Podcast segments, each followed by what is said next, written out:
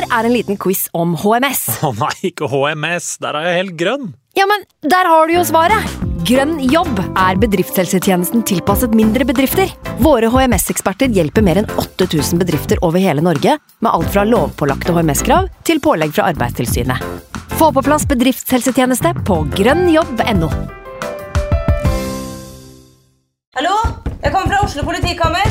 Ine Jansen er purk. Er du purk? The motherfucking bitch. Alt jeg vil, er å finne ut hva som skjedde med mannen min. Jon Carew. Er jeg sikta for noe? Iben Akeli. Det er du.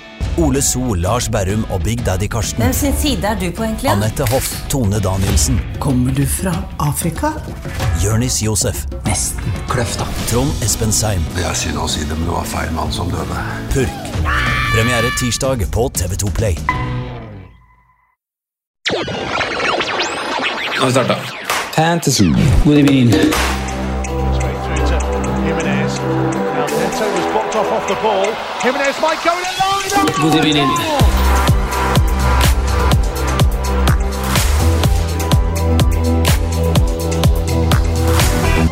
Hei sann, hei sann, og hjertelig velkommen til en ny episode med Fantasyrådet. Mitt navn er Franco, og i dag sitter jeg her med mine to freaks and geeks. Simen, velkommen. sann. Hei. Sondre, hallo. Hallo. Hei. Historiens mest meningsløse, svakest løste og merkeligste landslagspause er straks overstått. Eh, Men det er også siste på ei veldig, veldig veldig lang stund. Fra og med i dag er det seks og ei halv uke til nyttår, eh, men hvis vi smører litt på, så kan vi si syv. På disse sju ukene skal det spilles ni runder Premier League, legg til tre runder spill i Europa, én cupkamp for enkelte lag, og vi har 13 kamper på syv uker for enkelte lag. Men over til deg, dagens gjest. som, eh, som i tillegg til å være en smakfull herremann er velkjent fra både det ene og det andre. Velkommen tilbake, Nikolai Ramm. Takk, det er en ære å være her. Veldig hyggelig å se deg. Jeg har, like måte. jeg har skrevet 'gratulerer som far', men det har du ikke blitt ennå, så vi sløyfer det spørsmålet. Et par måneder igjen, hvis alt går som det skal.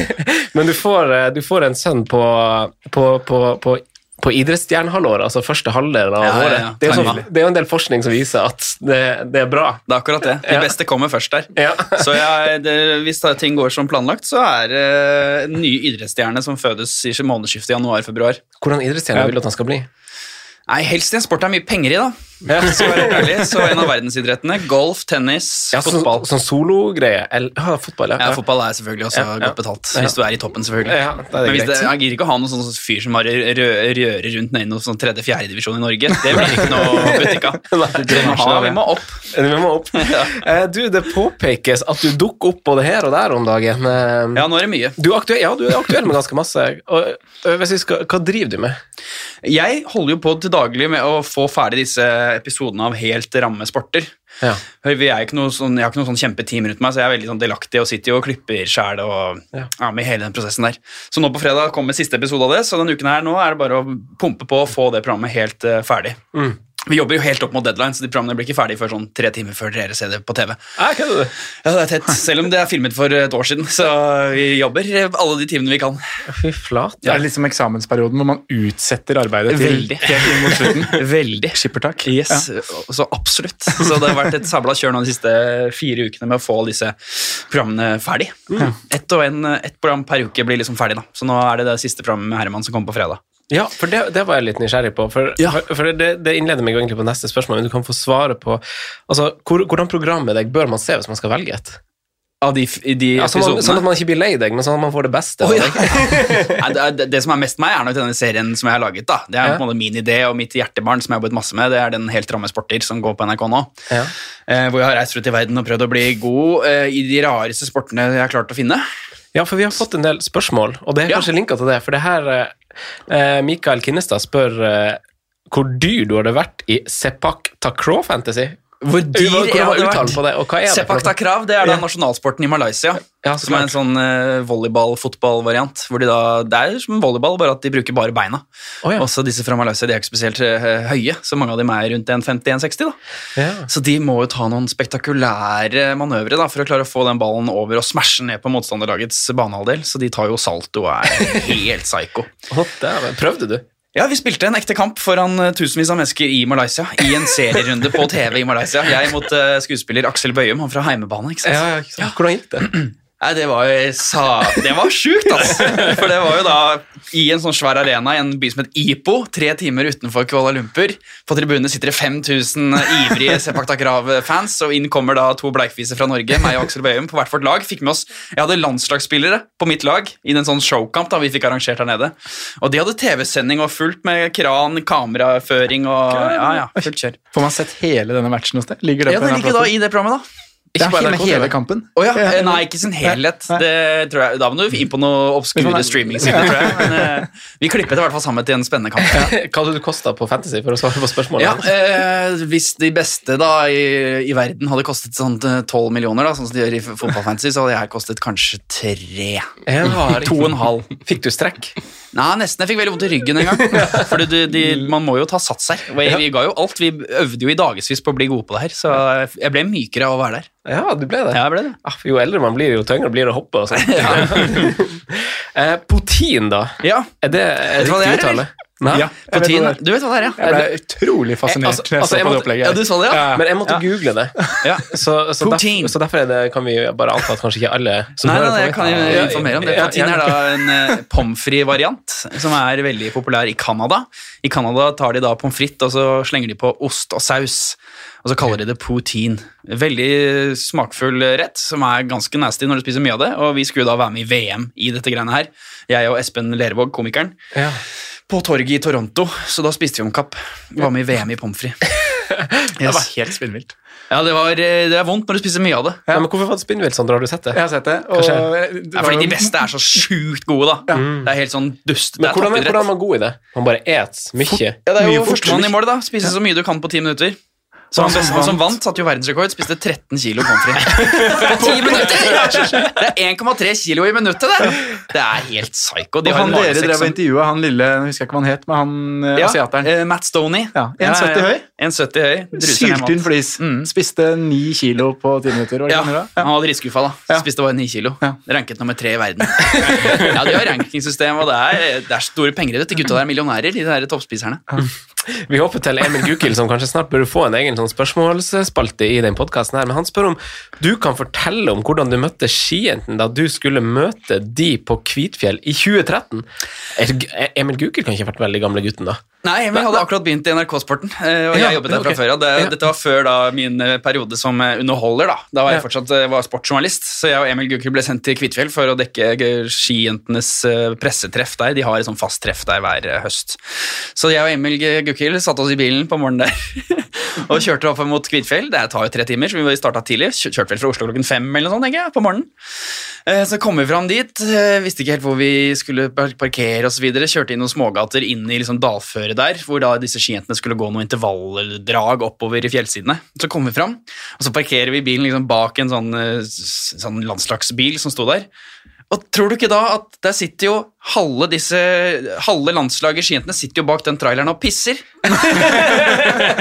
og vi hadde aldri møtt noen av dem før. Dette var liksom, det var nytt for meg å jobbe med skijentene på det tidspunktet. Så jeg satt jo Johaug og Astrid Urenholt Jacobsen med trusa på knærne. Og, de var ikke blyge i det hele tatt! Det var det som var sjukt. De, bare sånn, dette, de, er jo, de lever av det her. Kroppen deres er liksom kontoret deres. Så de, de bare fortsatte og gjorde seg ferdig og reiste opp, dro på seg trusa og var, liksom, var klart å gå økt.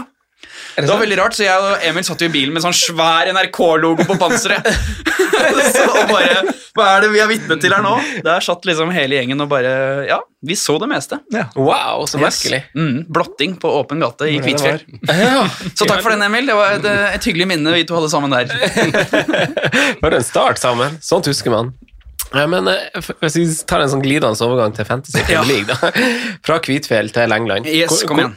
Hvordan har eh, sesongstarten vært for deg? Den har vært veldig opp og ned, vil jeg si. Ehm, kan ikke si jeg traff sånn umiddelbart fra første get go her. De første rundene var jeg svak, vil jeg si. Begynte dårlig, gjorde mange dårlige valg. Men nå, de siste rundene, så klatrer jeg sakte, men sikkert oppover. Hatt noen gode liksom above average uh, game weeks. Men jeg er altså fortsatt, ser jeg her nå, utenfor topp 1 million. Dessverre. 1 million og 26 000 plass er vi på nå. Men jeg var på sånn 2,5-3 for noen uker siden, så jeg ser, eh, nå ser jeg bare oppover på listene. Exactly. Yes. Da det er vi ca. rundt samme sted og kave, du, tror jeg. Ja, Så- det er ikke, det er ikke ja. kjempebra, men eh, Det det, er lenge, det er lenge igjen. Det kommer seg. Det er lenge igjen. Nå, ja. Sondre, kan ikke du presentere dagens timeplan for oss? Det kan jeg gjøre, vet du. Vi, vi er jo inne, som du sier innledningsvis, i en eh, rar tid. Eh, og aldri har jeg følt at det har vært så mye rør med fantasy-laget mitt som det er eh, i den fasen vi er i nå. Det dukker opp eh, skader og sykdom her og der. Vi skal diskutere mye av det i dag, men før vi tar den agendaen, så vil jeg bare minne folk på hvor viktig det er å spare bytte. Skader Skade skjer grunnet tøft kramprogram, covid oppstår.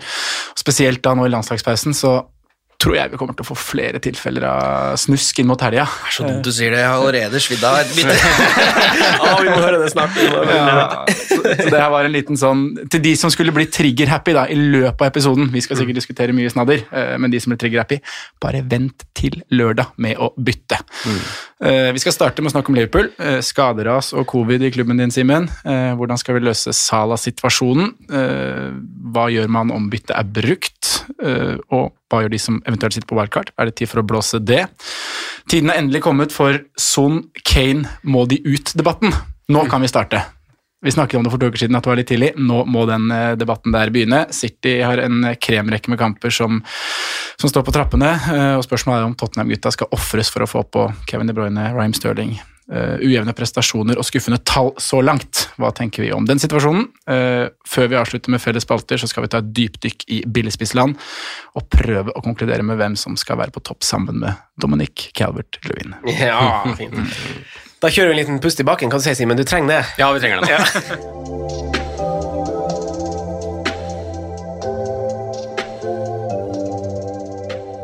Motogo leder i ingen nød. Mahmoud Hamdi plukka hansken opp. Duka for retur i Baby Kanus i lekegrind i Afrika vest. Halal Hazard, Ramadan Robben, den egyptiske kongen, har forbitra Klopp. Sala Iset S tatt med munnbind nede i brorsan sin bryllupsfest. Simen, ei skadeliste som ikke ligner grisen. Og nå Sala-situasjonen oppå det. Og, og Robertsen. Og Henderson. Og Henderson har vi pausa der. Hvordan er, hvordan er ståa i Liverpool nå, hvis jeg dekker den først? Nei, det, det brenner jo som det egentlig har gjort en stund allerede, så tar jo egentlig den, eh, den flammen bare mer og mer fyr. eh, Blir større og større. Eh, Så det ser ikke sånn eh, Hvis man skulle satt opp et lag som skulle spilt i morgen, så ser det ikke så fryktelig bra ut, for å være helt, eh, helt ærlig. Men jeg tror nok eh, når man skrabler som et lag fram til Leicester-kampen, at det på en måte ser bra ut på papiret da. Det er fortsatt en del spillere som er på vei tilbake og antageligvis rekker kampen også, men det er noen spillere, og kanskje de man plukker først og fremst på fancy, ser jo ut til å ikke spille neste kamp, da. Så det, det begynner å bli skummelt. Men Trent han vet jo, han har strekk. Det her var ikke noe sånn tjuvtriks fra Klopp at han uh, skulle fake på seg en strekk og så stå over. Men tror- det mistenker vi kanskje om Ro Robertsen, eller? At det er sånn, uh, her er vi i forkant. Jeg, jeg vet ikke. Han er kaptein til Skottland. De spiller en kamp hvor de kan uh, sikre Nations League-seieren. Taper mot Jumbo Slovakia, så jeg er ikke helt sikker på hva det er. Han, han skulle jo ta straffe også i straffekonken, men tok ikke fordi han kjente det nappa i hamstringen mot mm. Serbia. Så jeg er ikke helt sikker, men jeg tror også litt som deg at det er en litt sånn precaution, men det er fortsatt en det er jo sagt fra flere hold, både, både han selv og fra, fra Clark, at eh, det er en kjenning i hamstring. Så hva det er, det er vanskelig å spekulere herfra, men vi får nok informasjon, eller i hvert fall noe mer eh, antydninger før kampstart. Det gjør vi. Jeg fikk høre om eh, Sala-situasjonen som vi skal diskutere litt, som har blitt påvist eh, korona for de som ikke har fått det med seg, men der skal det gjøres en ny swipe eh, på torsdag, så det er håp i et hengende snøre her, men det har kanskje ikke så mye å si for deg, Nikolai? Jeg tenkte at nå ryker Jeg har ikke satt meg så veldig inn i det, skal jeg være ærlig. Jeg tenkte han har korona, han er svindyr, kommer sikkert til å stupe i pris nå. Jeg får den ut fort som ville faen. Så jeg tok han ut med en gang jeg leste den nyheten. Var det lurt, eller var det dumt? Nei, vi vet ikke. Hvem satte du inn? Jeg, jeg tok inn Fernandes, jeg. Ja, ja, du gjorde det. Ja, ja, ja, ok. ja, men den er jo fin. Safe bytte, tenkte jeg. Men ehm, Men det var overilt. Jeg tenkte meg ikke så veldig nøye om. Jeg bare gjorde det sånn på kvelden. Men jeg så den der Sala-saken kom, så tenkte jeg da er han ute. Han kommer til å stupe i pris. De pengene kan jeg ikke tape. Tok inn det første og beste jeg fant. jeg hater meg sjøl i de overilte øyeblikkene. Ja, det er sikkert dumt. Nei, men for, for meg så, altså, jeg, altså, det, det da jeg driter meg ut. Når jeg får de øyeblikkene med at nå får jeg en god idé. Altså, jeg har lært at jeg må, må gjerne sove på det. Men eh, altså, Du har jo satt på en trygg spiller, så det er ikke det. Men det er bare sånn, jeg har jo brent meg på sånn type liksom, sånn der, eh, affekthandlinger tidligere. Ja. Altså, faen, jeg gjør det bare! Jeg får gjort det byttet! Men jeg tror nok det byttet er en av de byttene som kommer til å bli gjort mest denne uka her, når man ser på en måte på antall spillere og antall bytter. Det tror jeg. Ja, Sondre, jeg vet jo at du vurderer det. Ja, det, er jo Eller sånn, for, du- for du har en del skadeproblematikk i laget ditt. Ja, og- det er jo alle regnbuens farger på dette laget her nå, så Hvor skal man starte? Sala-situasjonen er jo Etter all sannsynlighet så mister vi én kamp. Eh, det er jo det som er greia her. Minst. Eh, minst, ja. Eh, men han Man tenker jo at han er tilbake til Brighton-kampen i runden etter, og da vil man jo veldig gjerne ha han på igjen, hvis man eventuelt tar han ut. Mm. så man kan jo bare gjøre en sånn La han sitter på benken, god liksom. gammeldags swap fram og tilbake, eh, som han egentlig ikke liker, men kanskje det er nå det er greit å gjøre det. Da, da får dere inn Bruno, som du har tatt inn, Nikolai, og som også er et eh, På verdensbasis vil han være et kjempehett kapteinsemne. Eh, vi snakka han litt ned som kapteinsemne, eller i hvert fall jeg gjorde det i Patreon-episoden vi hadde forrige uke, men eh, så kan du gjøre tilbake neste uke, da. Du har jo pengene i bank. Ja, det er et kjedelig bytte å gjøre, da. Det er en kjedelig måte å bruke bytte på, men Ja. det går an. Det går an. Eh, Problemet er jo da at Bruno og United har jo fint eh, kampprogram også fra runde ti. Og det kjipe der også er jo å slukke andre branner som de fleste er involvert i nå også. Ja. Så Det vil være andre ting du heller har lyst til å gjøre, ikke sant? Ikke sant? Ehm, så så det Jeg har ikke bestemt meg, men hvis jeg skal bytte ut Salah for noen, så er det jo Bruno Fernandes som er nummer én på lista. Det er det. Foran Er det eh, eneste veien din til Bruno Fernandes? Kan jeg spørre om det? Altså Uten å liksom kjøre minuspoeng og sånn?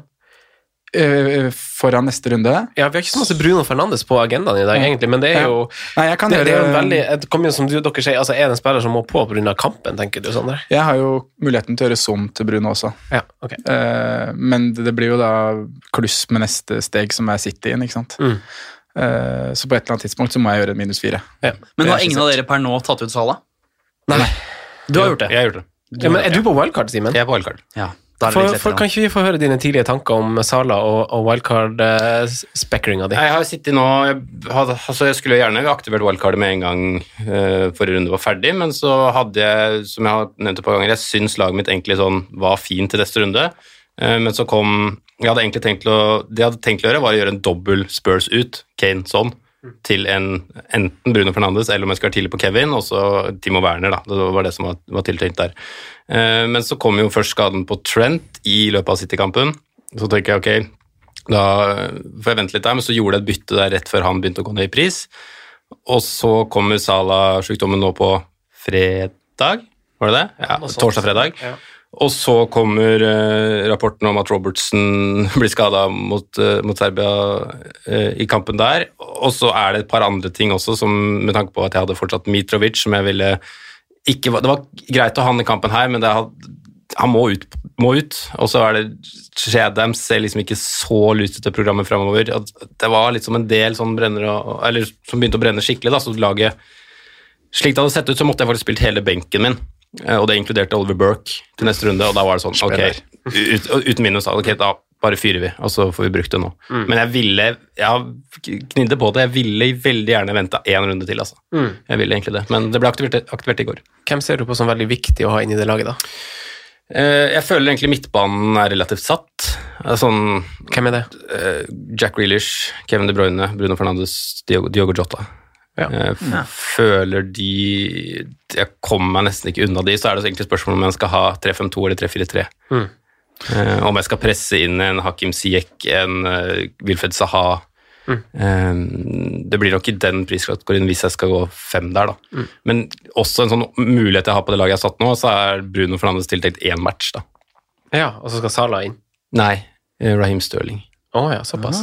For det er mitt spørsmål da, som jeg synes er veldig interessant for de som er på wildcard nå. Hva er Sala-planen? Mm. Eh, hvordan skal han eventuelt inn igjen, og når, han skal, når skal han inn igjen? For han har jo tross alt Brighton og Fulham i løpet av de fire neste kampene. Og det er jo to kamper du har lyst til å eie Mohammed Salah i. Mhm. Eh, men jeg vet ikke om du har tenkt noe, Ingen, skissert noe på det. eh, Men du har jo dyre spillere ja. som du kan sette, så det er jo ikke noe vanskelig sånn sett. Det er en enkel vei med minus fire, med Kevin De Bruyne ut, og så er det 0, antageligvis 0,8 når jeg skal kjøpe den igjen, for han synker antageligvis 0,2 til den tid, vil jeg tro. men vil du ikke kanskje på et wildcard nå legge opp til at du kan sitte både med, eller med alle tre, da? Salah, Bruno og Kevin? Nei, fordi vi vil ha gutta med litt skyts på topp også. Ja, du er i høyere pris enn billig spisskategori. Ja. ja, riktig. Er du det? Jeg er i akkurat nå Har du omsider fått på Calvert Lewin, da? Nei. Den, eh, den står jeg av. Jeg har endelig fått inn Ollie Watkins. Jeg tror det blir- det var deiligst å fjerne Ørjan Nyland fra det laget der, så ikke det var tre Villa-spillere på, på laget mitt. Eh, så står jeg akkurat nå på Jamie Vardy, Timo Werner. Vet ikke om jeg blir stående der, men eh, Begge? Ja. Mm. Eh, Frekt. Syns egentlig det er veldig riktig tidspunkt også å gjøre det. Jeg skulle kanskje hatt med den forrige kampen på Timo Verden som jeg prata mye om, men da var jeg, pga. den benkinga fram og tilbake, og alt det der, så turte jeg ikke å kaste inn han. da. Mm. Så ja. Det, men jeg vipper jo veldig fram og tilbake mellom tre-fire varianter, for det er jo én mann ut, og så har du 2,5 millioner plutselig, og så sjøfles pengene, så alle vet jo hvordan det er å sitte på wildcard. Mm. Altså, du, du, du bytter og ser på muligheter hele tida. Mm. Nei, men altså, Det er jo mange som er i ulike situasjoner. da, sånn, jeg vet jo at Du har ganske masse skade, du har wildcard. eh, Simen, hadde du to bytter, Nikolai? egentlig? Nei. Du hadde det ene som du har brukt Jeg hadde en, og så tok jeg faktisk et hit også. Gjorde du det? Så du, det. Å ja, du har ikke sånn Chilwell og Robertson sånn i tillegg, eller? Eh, jo da, jeg har uh, Chilwell og Robertson. Jeg har begge to. Det går bra? Ja, ja. men jeg følte det, jeg gjorde Jeg, var jo, jeg syns det er gøy å spille litt, risk her, da. Jeg, har, jeg ligger jo så langt nede på listene, så jeg må ta litt sjanser. Så jeg, jeg fikk på Vardi faktisk nå. Gjorde du det? Jeg gjorde det. Jeg tok et hit for å få på Vardi. Så du har fått på Vardi mm. og Bruno Fernandes? Yes. Steike ta. Jeg tror Vardi borte mot Liverpool er kanonbra. Ja. Ja, hvorfor det? Nei, for Han er jo dritgod i bortekamper da, mot gode lag. Det Ja. viser seg jo igjen og igjen med bakrom. Da, da er han dødelig effektiv. Bakrom, ja, Hvem er det som skal springe nå, Simen, og, og, og følge de løpene? Hvem skal stoppe Vardy, liksom? Og, ja, hvem skal stoppe Vardi?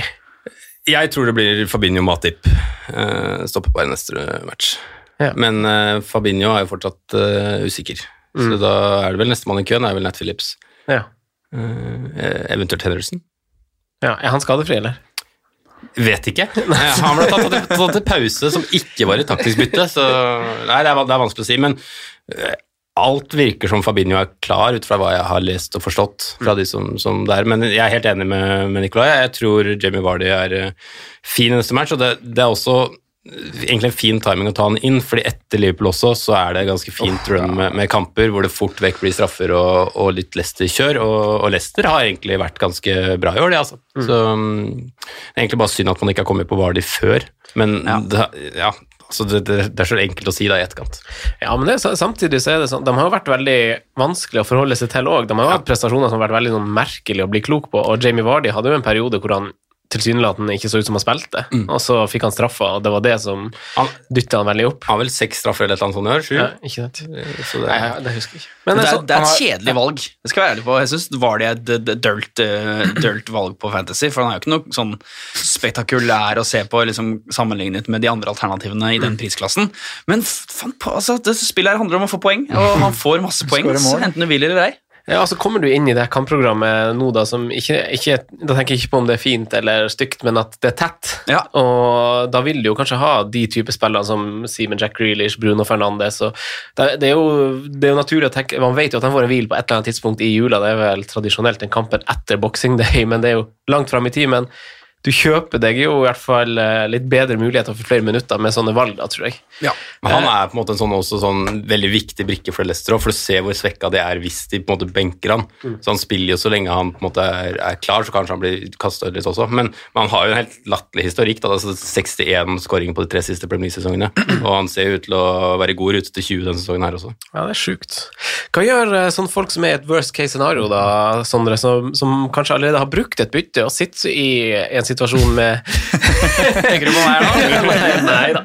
Eh, Sala, Robertson, Chilwell eh, altså, Nå så jeg også at til og med han Jarmolenko fikk korona. Hvem sitter med han? Hvem sa du?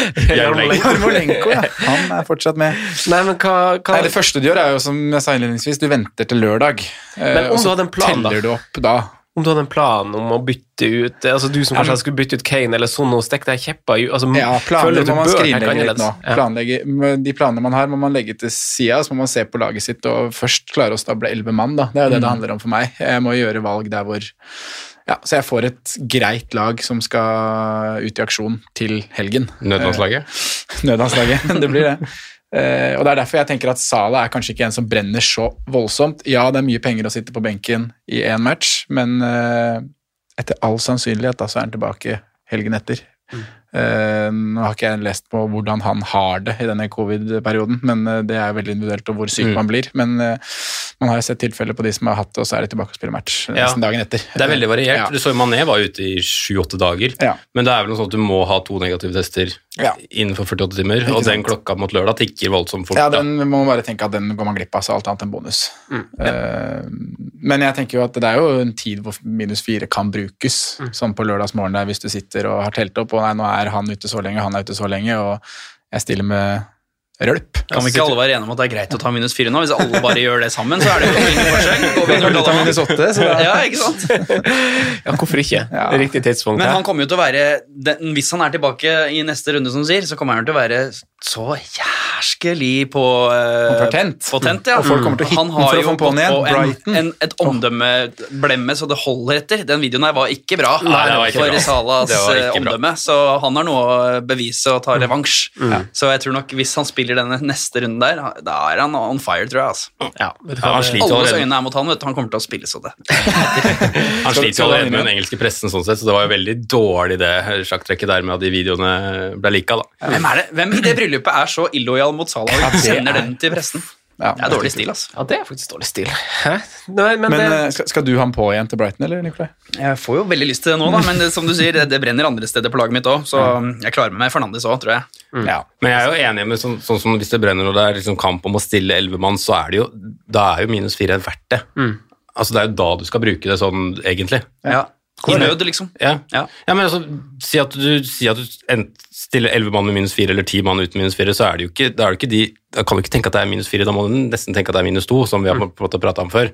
Og så hvis du velger hvilken spiller du får inn, så tror du jo kanskje at han får mer enn to poeng. Det var min Altså, situasjon forrige helg. Da Ja. gjorde jeg akkurat den vurderinga der. Jeg hadde hatt ti mann hvis ikke jeg hadde bytta. Ja, Du hitter jo ikke inn Dale Stevens, liksom. Altså, du hitter Nei. jo inn en du tror får poeng i løpet av de to, tre, fire neste kampene. Ja, Så kan du jo gjerne tenke litt gjennom hva du tar hit for, da. Ja. Kan jo være en plan bak det. Ikke sant? Ja. Eh, nei, jeg beholder nok Sala så fremst man ikke får høre at han, eh, at han mister mer enn kommende runde. da. Men eh, etter den kommende runden så ser vi en såkalt fixture swing. Altså at lag som har hatt tøffe kamper hittil, som f.eks. Arsenal, Westham spesielt, City og United kanskje også, de skulle Liverpool. Ja, skule over ei grønn eng.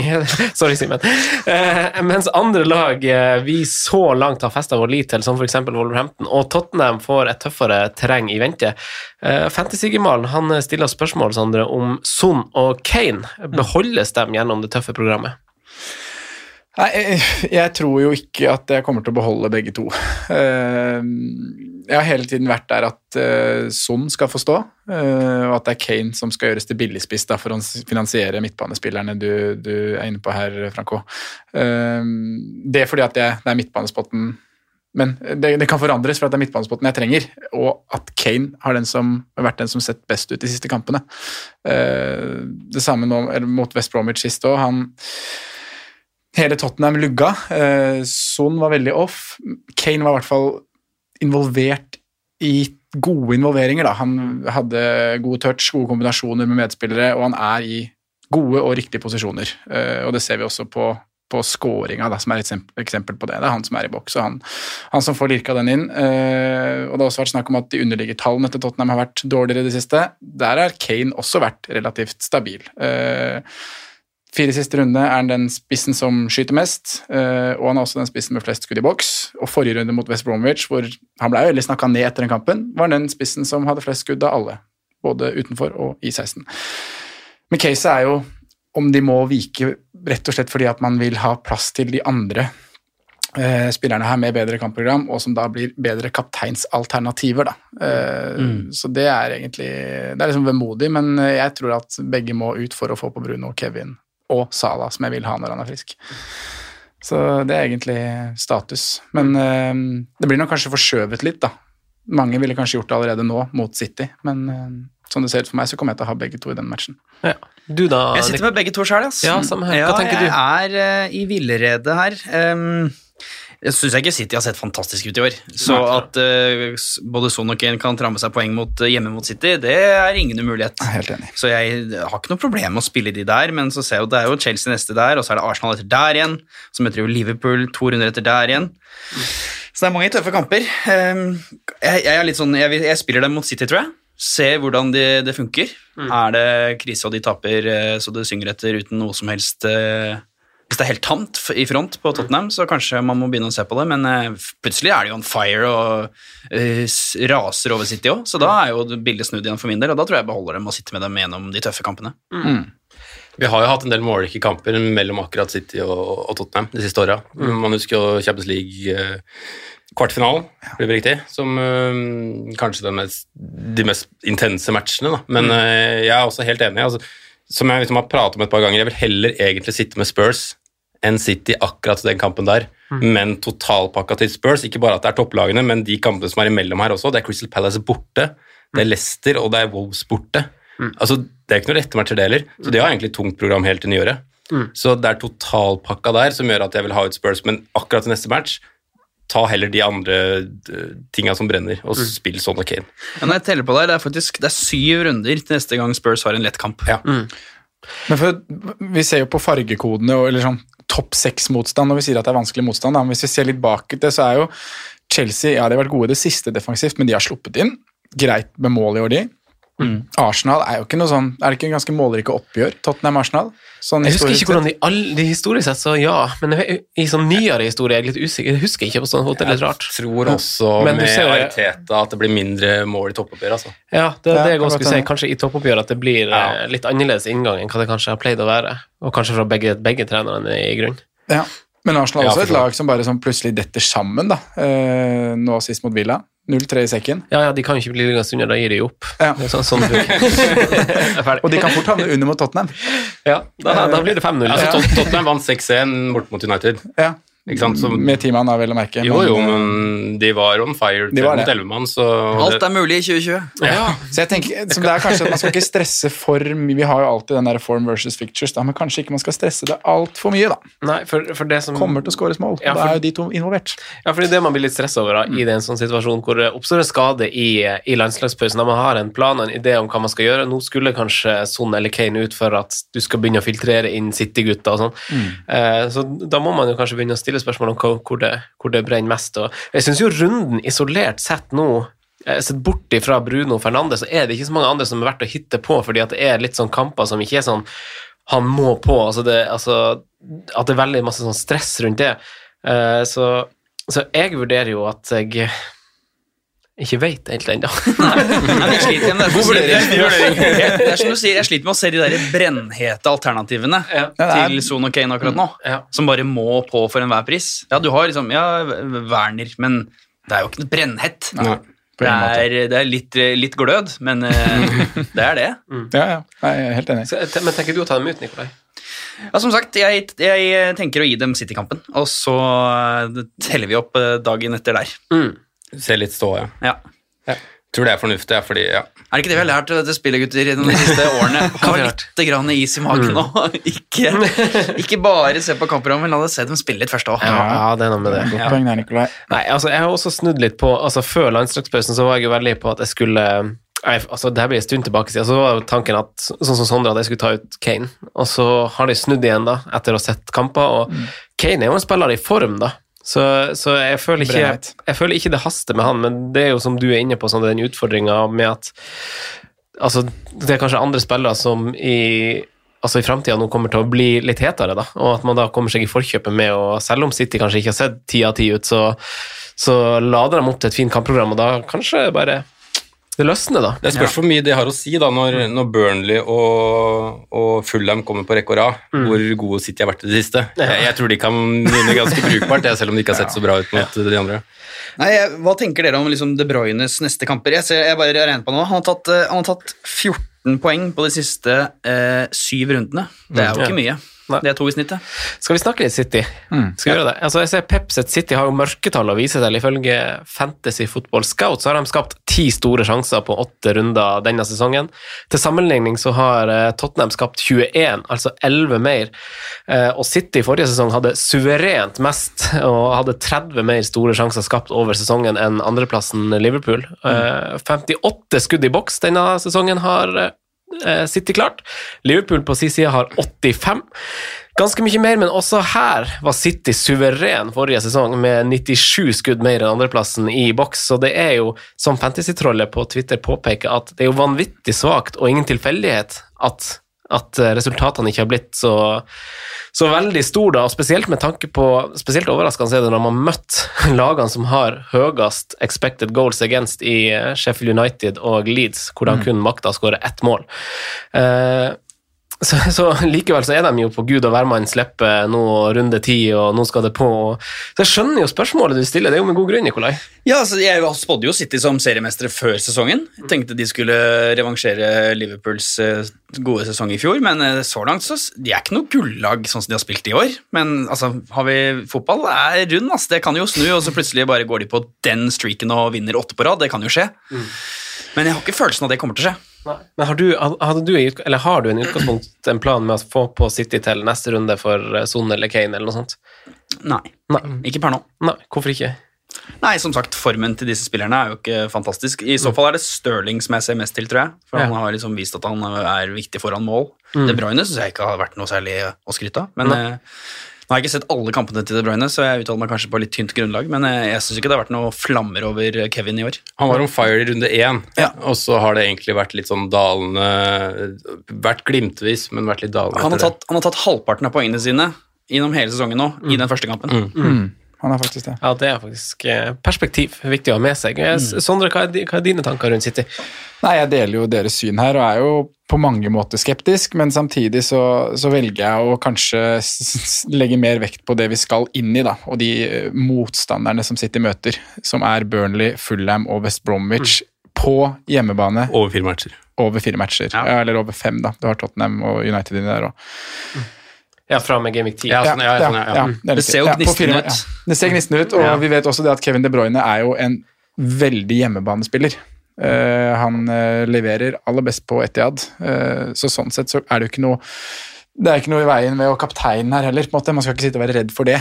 Eh, som du sier, Han har jo tatt halvparten av poengene sine i første match. Eh, da snakka vi om at det var en av de beste prestasjonene vi hadde sett. Eh, Mm. han var enormt god, eh, og det mot et annet antatt topplag. da. Wolverhampton er jo, må vi si at de er topp top seks, Mm. topp åtte.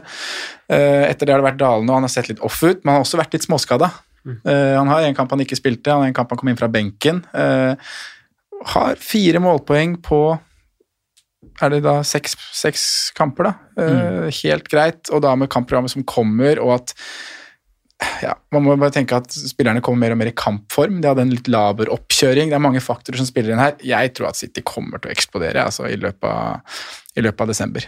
Så da vil jeg være på det. Eh, Spørsmålet er bare når man skal gjøre det. Hva som er riktig tidspunkt. Han har ti poeng mer da han har skåret på straff på trippel, så det er veldig sånn Ja. variasjoner også, da. Og han i Liverpool-matchen syns jeg han var eh, Jeg synes han var bra, jeg. Eh, ikke sant? Nei, Outstanding, men han hadde, han hadde viktige og Han har assisten på Jesus, han burde hatt en assist til, og han bommet på et straffespark. Han kunne lett sitte med tre målpoeng der uten at noen hadde tenkt at det var urettferdig. Han hadde et par gode involveringer, men samtidig så had, er det den kampen da han har vært, hatt minst touch, minst pasninger. Ja. Men det sier jo kanskje litt om fordi at Liverpool også er et lag som er mye mer ball enn de andre lagene de møter. Ja, og, så den konstellasjonen de satte opp faktisk var ganske bra, Mm. med, med en toer med Henderson Genie der. Ja. Det man aldri vet med Kevin De Bruyne, det er jo utgangsposisjonen hans.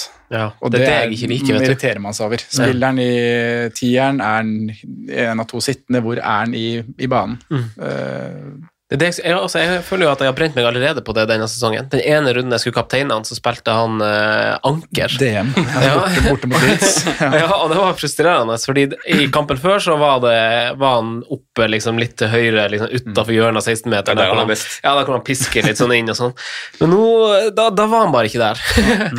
og eh, det, det er litt sånn slitsomt å forholde seg til, syns jeg. Men disse spillerne her, de endrer jo litt sånn karakter uke for uke. Litt, Mm. sånn- det er masse, de er jo mennesker, de òg. Har et personlige hensyn å ta, sikkert, og noen uker sover de bedre enn andre og liksom er mer kampklare. Nå har de jo fått den der, kall det en break da, med litt eh, landslagspause og sånn. Kanskje det setter en ny fyr i gutten, jeg vet ikke. og en annen ting som er viktig for Kevin De Bruyne, er at han, han har jo ikke hatt en spiss å fòre heller. Uh, Stirling er jo ikke best som spiss. Uh, så det Ferran Torres har vært brukbar. vært brukbar, men ikke i nærheten av Sergio Aguero, som er det beste. Men Uh, er Jesus tilbake, Ja, han er tilbake og hadde en grei match mot Liverpool. Er det ikke greit å oppsummere sånn at eh, kan vi ikke se denne Spurs-kampen, da? Litt på samme med Son og Kane. Altså, hvem av eh, de, det laget som vinner den kampen og imponerer mest, det er jo kanskje det laget man skal se fremover også på, da. Mm. Ja, det er jo egentlig en litt fin tanke. For det er jo litt sånn at man, altså Nå går vi inn i runde ni, Ja. eh, så det er, jo- det er jo på en måte en sånn liten sånn pustepause før den runde ti.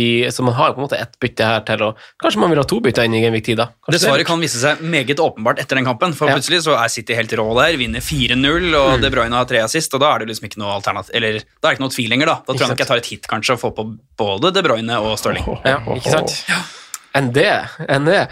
Eh, altså, vi, vi har vært inne på det å droppe Spurs for å bruke midlene litt ulikt. Eh, altså spre sånn, Du sa det jo veldig fint, at det kanskje selv om eh, Kane og Son har levert bra, så er det perioder man har spillerne for å, for å treffe best. da, og Vi har nå en fin mellomrunde som sagt, for å, for å skaffe de midlene, for å komme seg på hvis man skal på City, da, f.eks. Og mange ofrer f.eks. Kane. Eh, det er vel oppe til vurdering her, og i lys av at billigspissen hittil denne sesongen har vært mest verdi for pengene, hvis vi ser på poengene som har kommet, er jo det en naturlig vei å gå å nedgradere Kane og få på en billigspiss. Eh, Hvis man, nei, hvis man ønsker å flytte pengene til midtbanen. Sondre, jeg vet at du har en liten greie forberedt på, på billigspissen, for vi har noen alternativ å plukke av. Vi har det. Eh, Jeg fikk i oppgave av deg å dykke litt i billigspissenes tall, eh, og det liker jeg å gjøre. Hvem har skåret, og hvem har de som har skåret mål, møtt? Det er litt vesentlig og litt gøy å se på.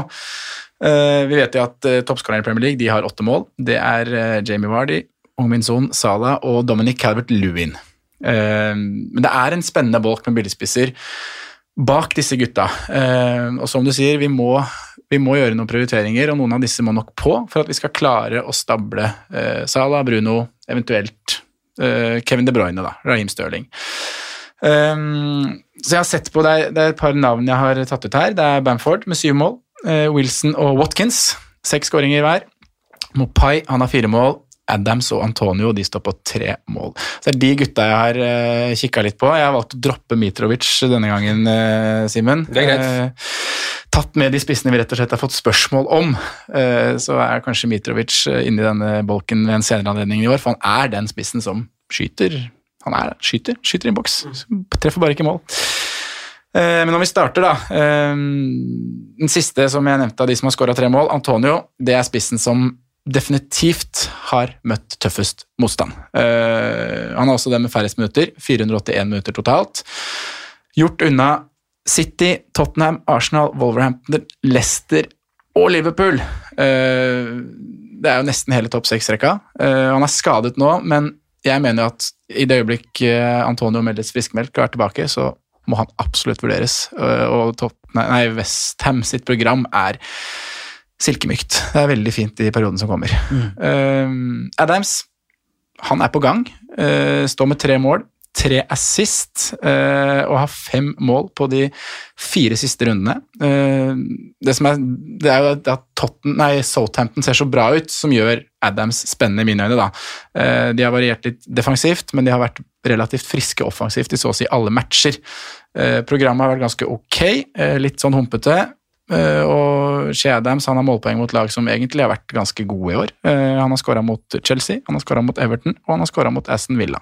Det er alle lag som dras opp når vi snakker om eh, ja, defensivt gode lag så langt i sesongen. Da.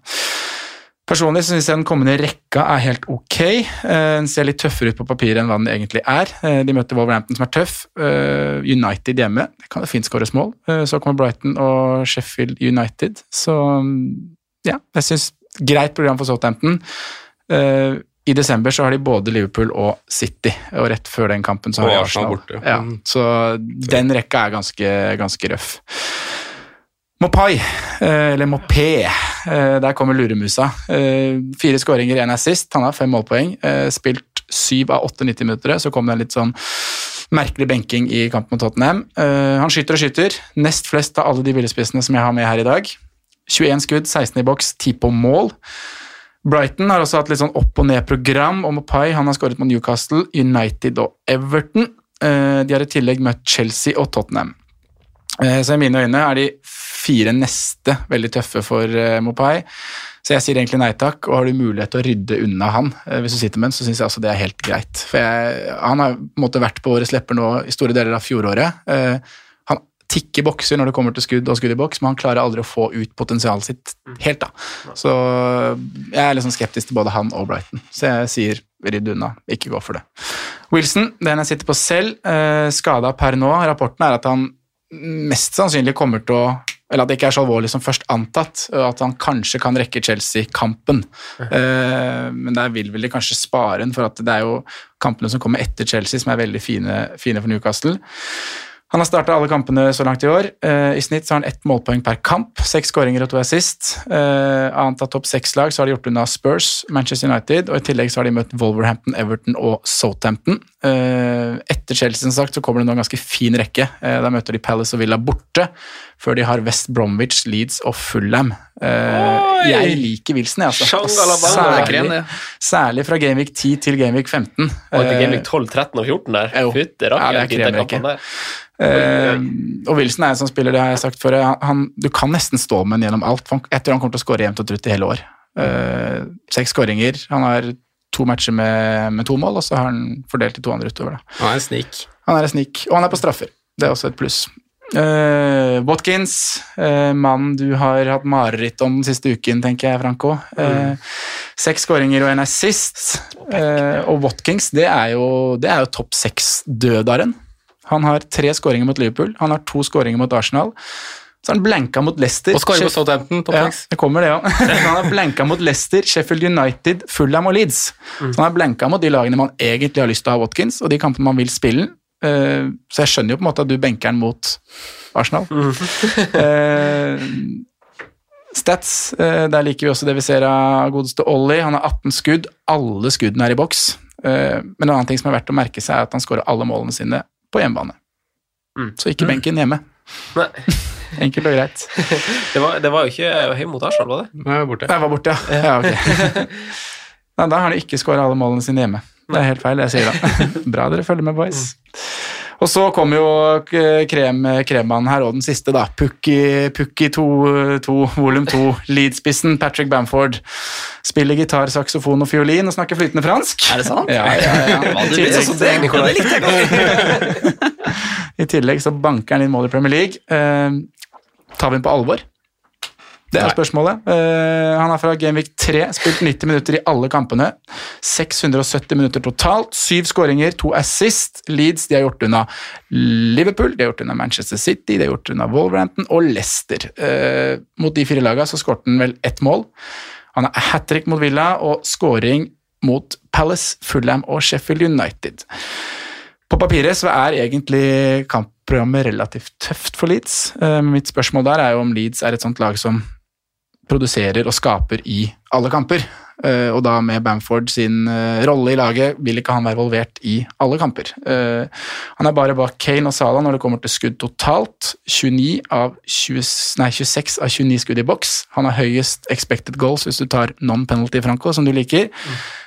og han har også den spissen som har bommet på flest big chances. så i tillegg da til å ja, nei, Han er også den som har bommet på flest big chances til alle spillere. I tillegg til å skåre sju. Ja, i tillegg til å skåre sju. Uh, der dukker også da Mitrovic opp i, i, den, i den bolken, mm. rett bak.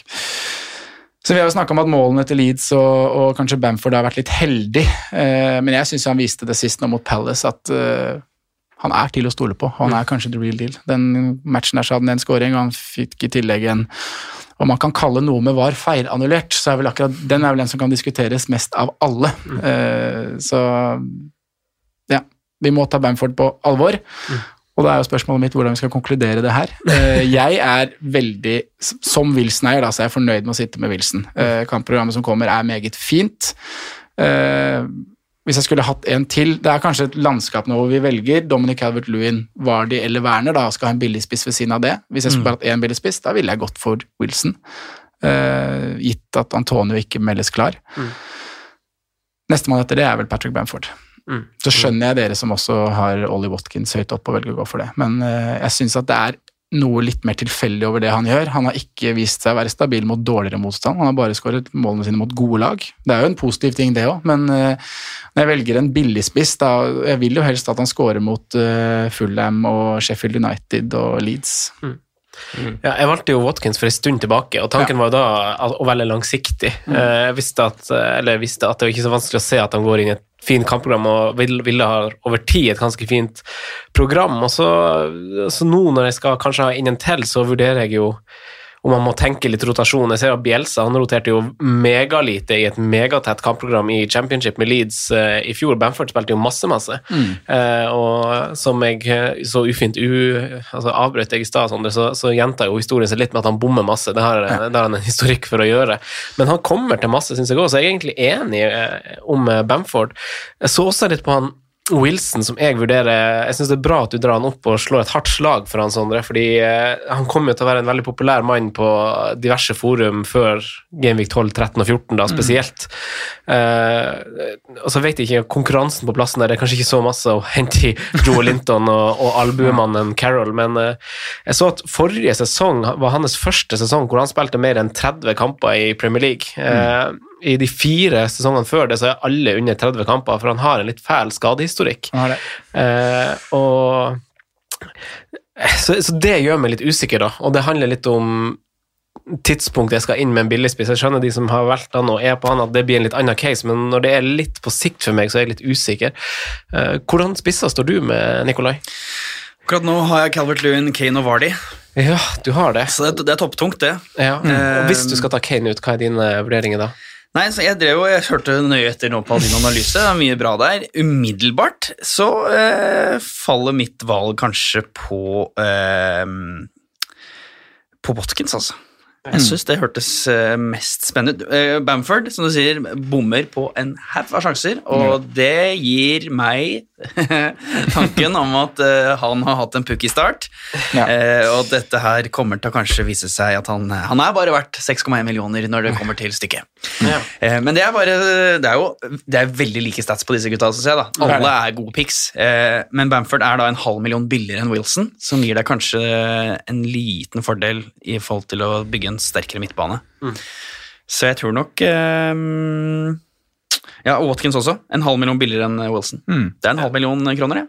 Det er ikke så det er Det er pund, da. det er vel Det er vel pund, pund. ja. Ja, en halv million pund, det er jo enda mer. Så den kan eh, Kanskje du trenger den da, når du skal få på eh, midtbanegeneralene. Bare for å skyte inn på spilletida til, til Bamford, da, fordi eh, i starten så spilte han vel to eller tre kamper han ble byttet etter 60. To første runder. Nå har jo Rodrigo vært i isolasjon de to siste rundene, Mm. og Calvin Phillips er ute. Eh, Som gjør at de ikke har så veldig mange andre strenger å spille på. Derfor nesten må han spille hele tiden. Eh, Bielsa gjør jo ofte et bytte på en av de to offensive, enten om det er den som på en måte lusker bak Bamford, eller om det er spissen selv, Mm. i enten etter 45 eller 60. Han er vel kanskje den, jeg tror han er den treneren i de øverste to divisjonene i England som bytter oftest til pause. Mm. Han bytter nesten alltid en i pausa. Ja. Um, om det er han der Tyler Roberts eller Pablo Hernandez, er jo ofte en av de som kommer inn. Så jeg tror det blir veldig mange 60 minutter utover, eller 65 også på Bamford. da. Og Watkins spiller 90, igjen? Antageligvis ville ha vel eh, skader på de to backup-spissene sine. og Sam- Da- Davies er jo klar. Ja, Davies er. Men, men Han spilte eh, med 90 minutter i år. Han, han spilte alle 90. Også, han tar jo riktignok ikke straffer, men da har jeg jo Grealish. Watkins har straffer. Ja, de, de bytter på de to, ja. Ja, Watkins tok forrige. Tok Gjorde han det, ja? På banen. Ok, men Da har du i hvert fall begge. Eller Da en av dem. Da har du første og andreplassen på straffer. Så er det Ja, da har du faktisk. Men han har ah, 90 i alle matcher. Det er riktig. den, Ja, ja. Ja, Men det er jo som Simen sier, det, det er jo en skadesituasjon der som også gjør at det, at det kanskje ikke har kommet noen spisser inn på tampen i det 80. minuttet. eller noe sånt. Ja. Altså, vi har, Samata Samatta er jo borte, da, men eh, Wesley er jo skada, og Keenan Davies er Hadde en av de vært tilgjengelig, så hadde byttene blitt gjort noen ganger. Men ikke nødvendigvis hver gang. altså Watkins spiller så lenge det er noen å spille for, vil jeg tro. Hva tenker du da, Franco? Alle de tre favorittene våre, Bamford, Watkins og Wilson. Jeg har jo Watkins, og Dominic Calvert-Lewin. Og hvis Kane skal ut, så står jeg vel altså Det er jo litt sånn som du er inne på, Nikolai, med, med hva man kan gjøre med en halv million, da. Mm. Og om den halv millionen er verdt å strekke seg for, for å få, i mitt tilfelle, Wilson, da. Mm. Fordi hvis jeg velger å gå Antonio eller Bamford, så har jeg råd til å altså, Si at jeg hypotetisk gjør sånn til uh, De Bruyne nå. Eh, tar ut Kane og skal ha på en billigspiss, for jeg har fortsatt han Podense på laget. Hvis jeg tar ut Kane, Son og Podense, så kan jeg få råd til hvis jeg får bruk for det, så kan jeg få Stirling og De Bruyne ved at jeg ikke går Wilson. Fordi Hvis at du går 6-1. der, der er de 0-5 for mye. ikke sant? Da er det ingen Bruno her. Nei, da er det ingen Bruno. Da må Bruno igjen bli da kjører Bruno istedenfor Stirling, da har du mer å spille med. Ja, da har jeg råd til Wilson. Ja, ikke sant? Så, så det er en sånn totalpakke. sånn vil jeg ha den døra åpen til at jeg kan sette på De Bruyne og Stirling for at det kommer til å lukte svidd etter Tottenham-kampen, eller vil jeg eh, altså, Det er det er en sånn totalpakke. Også det som du sier, Nikolai, Sondre, du presenterer at de statsene mellom de spissene er ganske jevne. Så hva skal jeg kikke? Jeg bare trekker et lodd og bare stå med det. Det er kanskje det som denne sesongen har vist seg at lønner seg. At du skal ha valgt en billigspiss og så bare stått, så har poengene kommet Mm. jevnt og trutt. Altså, jeg skulle jo ha spilt Watkins, så hadde det jo vært ganske mye høyere, fordi billigspissene leverer jo. Ja, altså det, det er godt poeng du sier, faktisk, for det beste valget som jeg har gjort hvis man ser i etterkant, det er faktisk å beholde Adams. Ja, ikke sant? Ikke sant? Selv om han var 0-2 ned i pris. Jeg har fått fem målpoeng på de fire siste. Ja. Og så En greie her er å spille de i alle kamper. ja, ikke sant? Bare ikke Det viser seg det. Ja, spill offensive Ja, ja. spillere foran Ja. defensive. Men det. det, da er det 3-4-3 som gjelder, da. Hvis du har mannskapet til det, så Ja, har jeg, jeg syns jo ved wildcard at man kan vurdere en 3-5-2. For jeg syns også du får en del, men det er Mm. egentlig det er samme poenget, da. Mm. Altså, altså Det er det offensive som på en måte gjelder. Å Uten å ha sett nøye på det, så tror jeg jeg ville vurdert en 3-5-2 på wildcard nå, ja. For å Ja, fordi at du kan gjøre noe ganske kult på den siste plassen. Mm. Altså du, du får plass til en Siek, en Saha altså, Det er jo fortsatt spillere som også er offensive. Er, noen av de er på straffer og sånne ting. Da. Nei, For å svare på spørsmålet, så vet jeg ikke. Eh, det blir, eh, Jeg har jo Watkins, og jeg tror kanskje jeg hadde vært på han jeg også, hvis, eh, hvis jeg ikke hadde hatt han. Men Antonio eller Wilson er vel de det faktisk står mellom. Men glemmer jeg en spiller nå? Glemmer jeg en spiss? Bamford, Bamford, er det en til der i miksen? Mopé har vel stryket. Ja, ja, Chedams Mopé Ja, nei, nei, nei, Mitrovic tok jeg ikke med, men du, Ja. Dominic, Avelduin har du? Ja. Ja, jeg tror Nei, nei det, var, det var kanskje Antonio eller, eh, eller Wilson det står mellom. Og da er det jo spørsmål bare om det, om det er verdt det. Altså Kommer Wilson til å levere masse bedre enn Antonio og Bamford? For altså Nei, det, Det spørs. Nei, Selv om jeg er. Newcastle-supporter, så har jeg null tillit til at Wilson-toget varer, altså. Han har vist sesong etter sesong at han har Han går i bølgedaler, og jeg er redd eh, Jeg stoler ikke på det at det varer jevnt og trutt, så Wilson er for meg litt sånn Hvordan er det. Newcastle, egentlig? Du, det er en lang historie som vi ikke har tid til her nå, men det er Share-tiden, da. 98-ish. Ja, på Bay, høyden. likte du han? Ja, ja, ja. Robert og Solano. Ja, ja, de gutta der. Nei, det var det selvfølgelig når Newcastle var i toppen på slutten av Hva er det 90-tallet. han som knakk nesen hele tida? Han Andy O'Brien, var det det? Han som eh, Det kan stemme, ja. ja. stemmer sånn fire-fem ganger. Altså, det var jo selvfølgelig et dårlig valg der på 90-tallet, men jeg står med dem. Og er egentlig ganske fornøyd med sesongen så langt, men jeg har ikke noe tro på at Wilson eh, kommer til å levere jevnt og trutt. Altså. Han har hatt en veldig god start, og det gleder mitt Newcastle-hjerte, men jeg tviler på at det holder. En- en- Lov å en- Anser du Joe Linton og, og er Carroll til å være konkurranse for han? På ingen måte. De er eh, ubrukelige begge to. Ja. Minutter blir det i hvert fall. Minutter blir det. Ja, ja da. Det er det nå, gitt. Eh, hvis dere, Sondre og Simen, skal få eh, lande altså billigspissen altså, hypote altså Hypotetisk? Ja, det blir jo kanskje hypotetisk, men det kan blir kanskje reelt òg. Billigspissrekka? Ja, billigspissrekka. En liten rangering før vi, før vi hopper til Nei, men jeg, jeg føler vi gjorde det nå, jeg. Mm. Uh, det er veldig vanskelig å Har ikke hatt din konklusjon, har vi det? Nei, Nei, eller konklusjonen var at vi skulle f konkludere felles. Ja. Du, du sa vel at du var fornøyd med å stå med Wilson, Ja, det er jeg. Eh, men om det var en konklusjon eller ikke? Jeg bytta jo på han før forrige, da. Prøvde å skulle håpe at jeg fikk med meg Southampton-matchen der, fordi Southampton har variert defensivt, men det, da var jo Newcastle utrolig tamme. Ja, Eh, det ble helt- null og niks. Ja, det var grått å se på. Eh, Men står greit med han nå i de matchene som kommer. Eh, Bak det så er det Bamford eller Watkins. Mm. Syns det er eh, vanskelig å ta et Antonio valg. eh, Ja, det sa jeg også, at i det øyeblikket han blir meldt frisk, så har jeg lyst på han i den rekka som kommer. Men er det her jeg også burde ha satt meg litt inn i, på samme måte som jeg satte meg inn i Wilson og så på skadehistorikk? Er han Antonio også litt sånn skadedude? Det er noen voldsomme lår der, i hvert fall. Ja, det er noe Det er litt forstrekkelig. Er det er det en sammenheng med, Er det ikke det? skade? Disse her bulldoserne de er mer skada enn de andre, er det ikke det? Jeg har en følelse av det at de, at de kan være utsatt for mer, i hvert fall. Ja. Ja. Men med Sheffield United, Aston Villa, Manchester United, Leeds, Crystal Palace de neste matchene, så tror jeg jo Westham kommer til å skåre litt mål.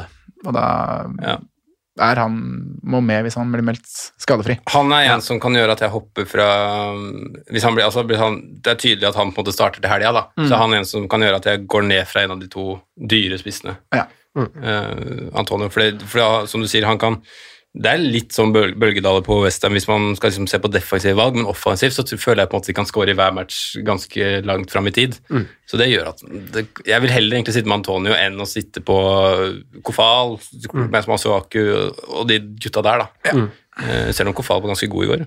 Mm. Hjemme mot Israel. Vi tar en siste pause før vi sender deg opp eh, på kontoret igjen, eh, Nikolai. Og så vil jeg bare si at denne gangen så er det ikke en vanlig på perrongen, gutta. Dere må forberede dere på noen Sindre Hangeland-dilemma, eh, så dere skal svare ja eller nei på. Eller komme med en begrunnelse hvis dere vil. Og så hopper vi til spalten. Franco nevner spillere som kan være aktuelle slags populære valg. Rådets spillevalg. Jeg tror jeg skal ta den uforberedt hver gang. Jeg tror det er spalten. Det har jeg faen meg gleda meg til. Vi hopper til dagens spalte, og på perrongen er sløyfa i dag. Vi har eh, Dilemmadagen i dag. Sindre Hangelands dilemmadag har vi. Han har fire dilemma til oss. Nikolai, vi starter i din ende. Eh, med, med dilemma nummer én. Ja, få høre nå. For det det, det, det Nei. Er det så vanskelig? Nei. Sette på Vardi mot et skadeplaga Liverpool. Ja, jeg har jo gjort det, så jeg må jo stå i det. Jeg har troa på i hvert fall to mål på Vardy. Ett på straffe og ett i fritt spill. Å, kaptein, da. Ja. Ja? Sondre, setter på Vardi mot et skadeplaga Liverpool. Kom gjerne, altså, du, kom gjerne med en eh, begrunnelse. Ja, jeg må bare inn og få det programmet hans opp her. For hvor fint er det egentlig i etterkant? da? Han Ja, ja, ja. Det er jo Det fint som grisefint, faen. Ja, ja, ja, ja, ja. Men eh, det er jo avhengig av om du skal bytte ut, da, Sindre. Skal jeg være så kjedelig å si det? Men uh, Ja, Magefølelsen din sier nei. Ja, det, Det er det i den Harry, matchen. I den matchen gjør det egentlig det. Det, det er jo Harry. Det har jo Jeg vil heller ha Harry mot City enn Vardy mot Nei, jeg vil jo ikke det! Bytt den ut, da! Få på Vardy for Kane! Kjør. Simen? Jeg sier også ja. Ja, ja, jeg syns den er fin, jeg. Ja. Det er så deilig å høre det fra dere, for jeg for det der. Så. Det har vært en hit. Kom an! Eh, nummer to, eh, Nikolai, er eh, Killman i Wolverhampton og Kyle Walker Peters. De møter hverandre. Oi. Southampton Wolverhampton. Eh, hvordan av dem ville du ha spilt? Eventuelt ville du ha benka begge? Jeg sitter jo med Killman. Ja. Så det da umiddelbart Jeg liker å svare med en gang. Jeg. Bare følger magefølelsen. Gjør det. dette blir så langdrygt, så da svarer jeg Killman. Ja. Det, det, spill han. Ja. Selv om Walker Peters har vært, vist seg veldig bra. Jeg hadde jo han i starten av sesongen, så solgte jeg han selvfølgelig, og har, han har jo levert gull etter det. så det er irriterende. Men eh, nei, kjør Kilman. Men starter ikke han på benken nå, Kilman? Det vet sikkert dere bedre enn meg. Ja, han gjør det. Nei, nei, nei, nei, nei. Nei, han vi, vet, spiller han. vi vet jo ingenting, men jeg Vi vet at han er på lån tid. Vi vet han er på lån tid, og han var Ja. ikke sterk sist. Det var han ikke. Den venstresida generelt var ganske svak. Så spill Kilman, da, og så får du, får du de siste fem minuttene hans, for han kommer inn for Seistein. Carl Walker Peters kommer til å slippe inn uansett. Ja. Det blir mål til begge lag, tror Ja, jeg. Tror det? jeg. Ja. ja. Nei, jeg tror Kilman holder nullen jeg, og spiller han. Ja. Eh, jeg, vil, jeg vil også spilt Killman. Ja. vi frykter ikke det bortegode Southampton uten Ings like mye, tror jeg. Um, Spørsmål Ja, de har fortsatt han Che. Spørsmål nummer Dilemma nummer tre, eh, Nikolai. Må Bruno inn mot West Bromwich? Han må jo ikke det. Men når jeg først da valgte å ta ut Sala, så var han det umiddelbare alternativet. Så han er ikke dum å ha, føler jeg. Nei. Han kan fint finne på å få en 15-poenger mot West Brom. Eh, om han må på? Eh, jeg svarer tja. Ja, det er lov. Du skal få lov til det. Det er sånn, det er sånn man svarer på dilemmaet, ikke det det? Tja. Tja. Sånn det. Jeg har lyst til å copy-paste det der, altså. Ja. Eh, Men du har snakka litt eh, i gåseøynene opp eh, West Bromwich, hvor dypt og låst låst jeg har ikke dratt den og si at jeg snakka opp West Bromwich. Det Jeg, jeg jeg, jeg, dro inn gåseøyne her. ja, jeg sa bare at de var jo relativt uh, tighte mot Tottenham. Og jeg sa at jeg blir ikke overraska hvis eh, United plutselig sliter i denne matchen, og at Bruno kaptein blir en stor fiasko. Det var det jeg sa. Eh, Første trepoenger hjemme denne sesongen, eventuelt ikke? Jeg må bare bør jo komme mot West Bromwich, så jeg svarer det samme som deg, Nikolai. Men det er jo ikke for enhver pris jeg mener at han skal på heller. Nei, Et dønn ærlig tja. Dønn litt tja. Fint dilemmasvar. Simen? Jeg mener ikke han må på. Nei. Altså, jeg mener ikke han nei, må ikke på. Må, han må ikke på. Man må ingenting, men bør han på? Han spurte faktisk må, så det er jo det vi svarer på. Ja, nei, Han han må må, må ingenting. Må Nei. ingenting. Nei. Eh, jeg er enig med deg, Simen. Må ikke, men, men eh, hvis man har den luksusen at man kan sette den på greit, ja, kjør. Er dette en runde Nikolai, man kan sjanse litt med kaptein?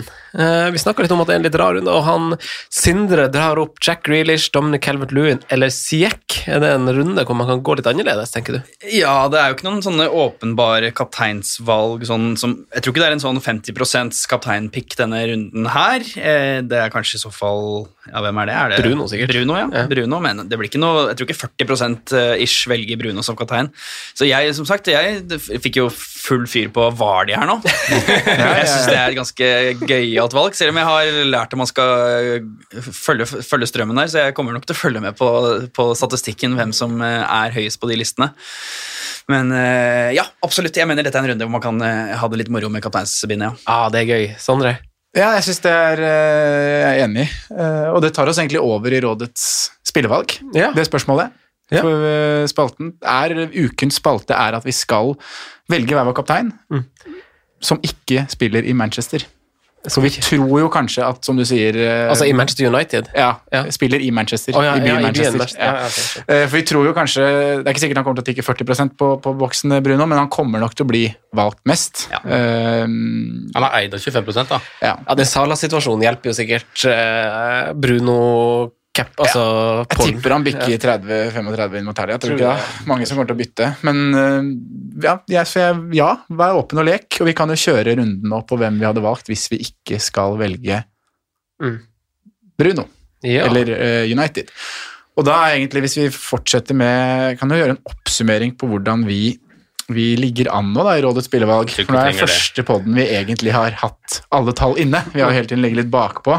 Når du jobba. Eh, nå har jeg jobba og fått oppdatert eh, tabellen her. Så etter Gameweek 8 så har eh, Simen 67 poeng totalt. Nederst. Tredjeplass. Yes. Franco 77.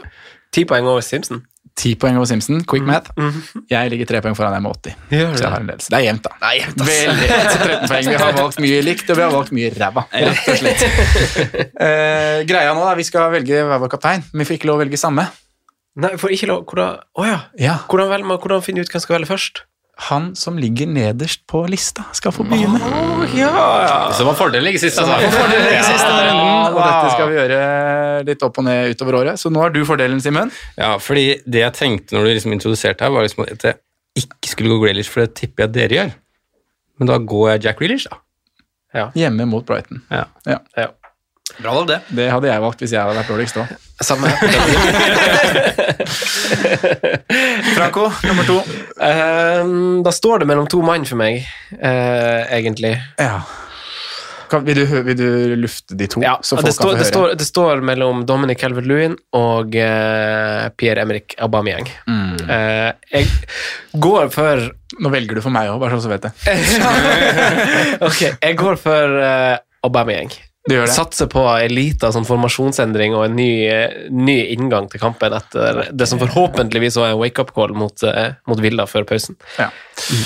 ja, Ser man på fictures her, så er det jo de to holdt jeg på å si, som møter kanskje de dårligste laga, da, eh, hvis man tar bort United. Eh, jeg er jo litt frista på å bare være kul med deg nå, Nikolai, og si Jamie Vardy.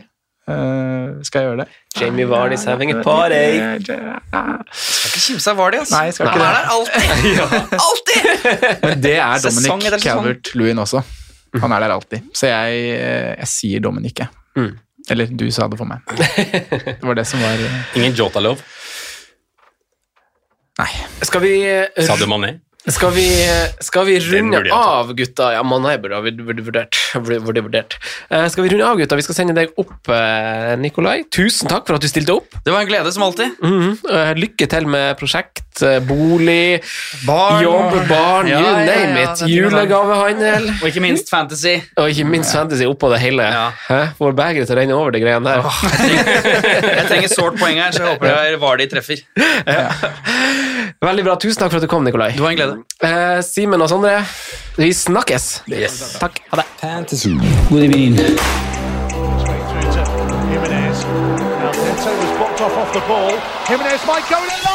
Good through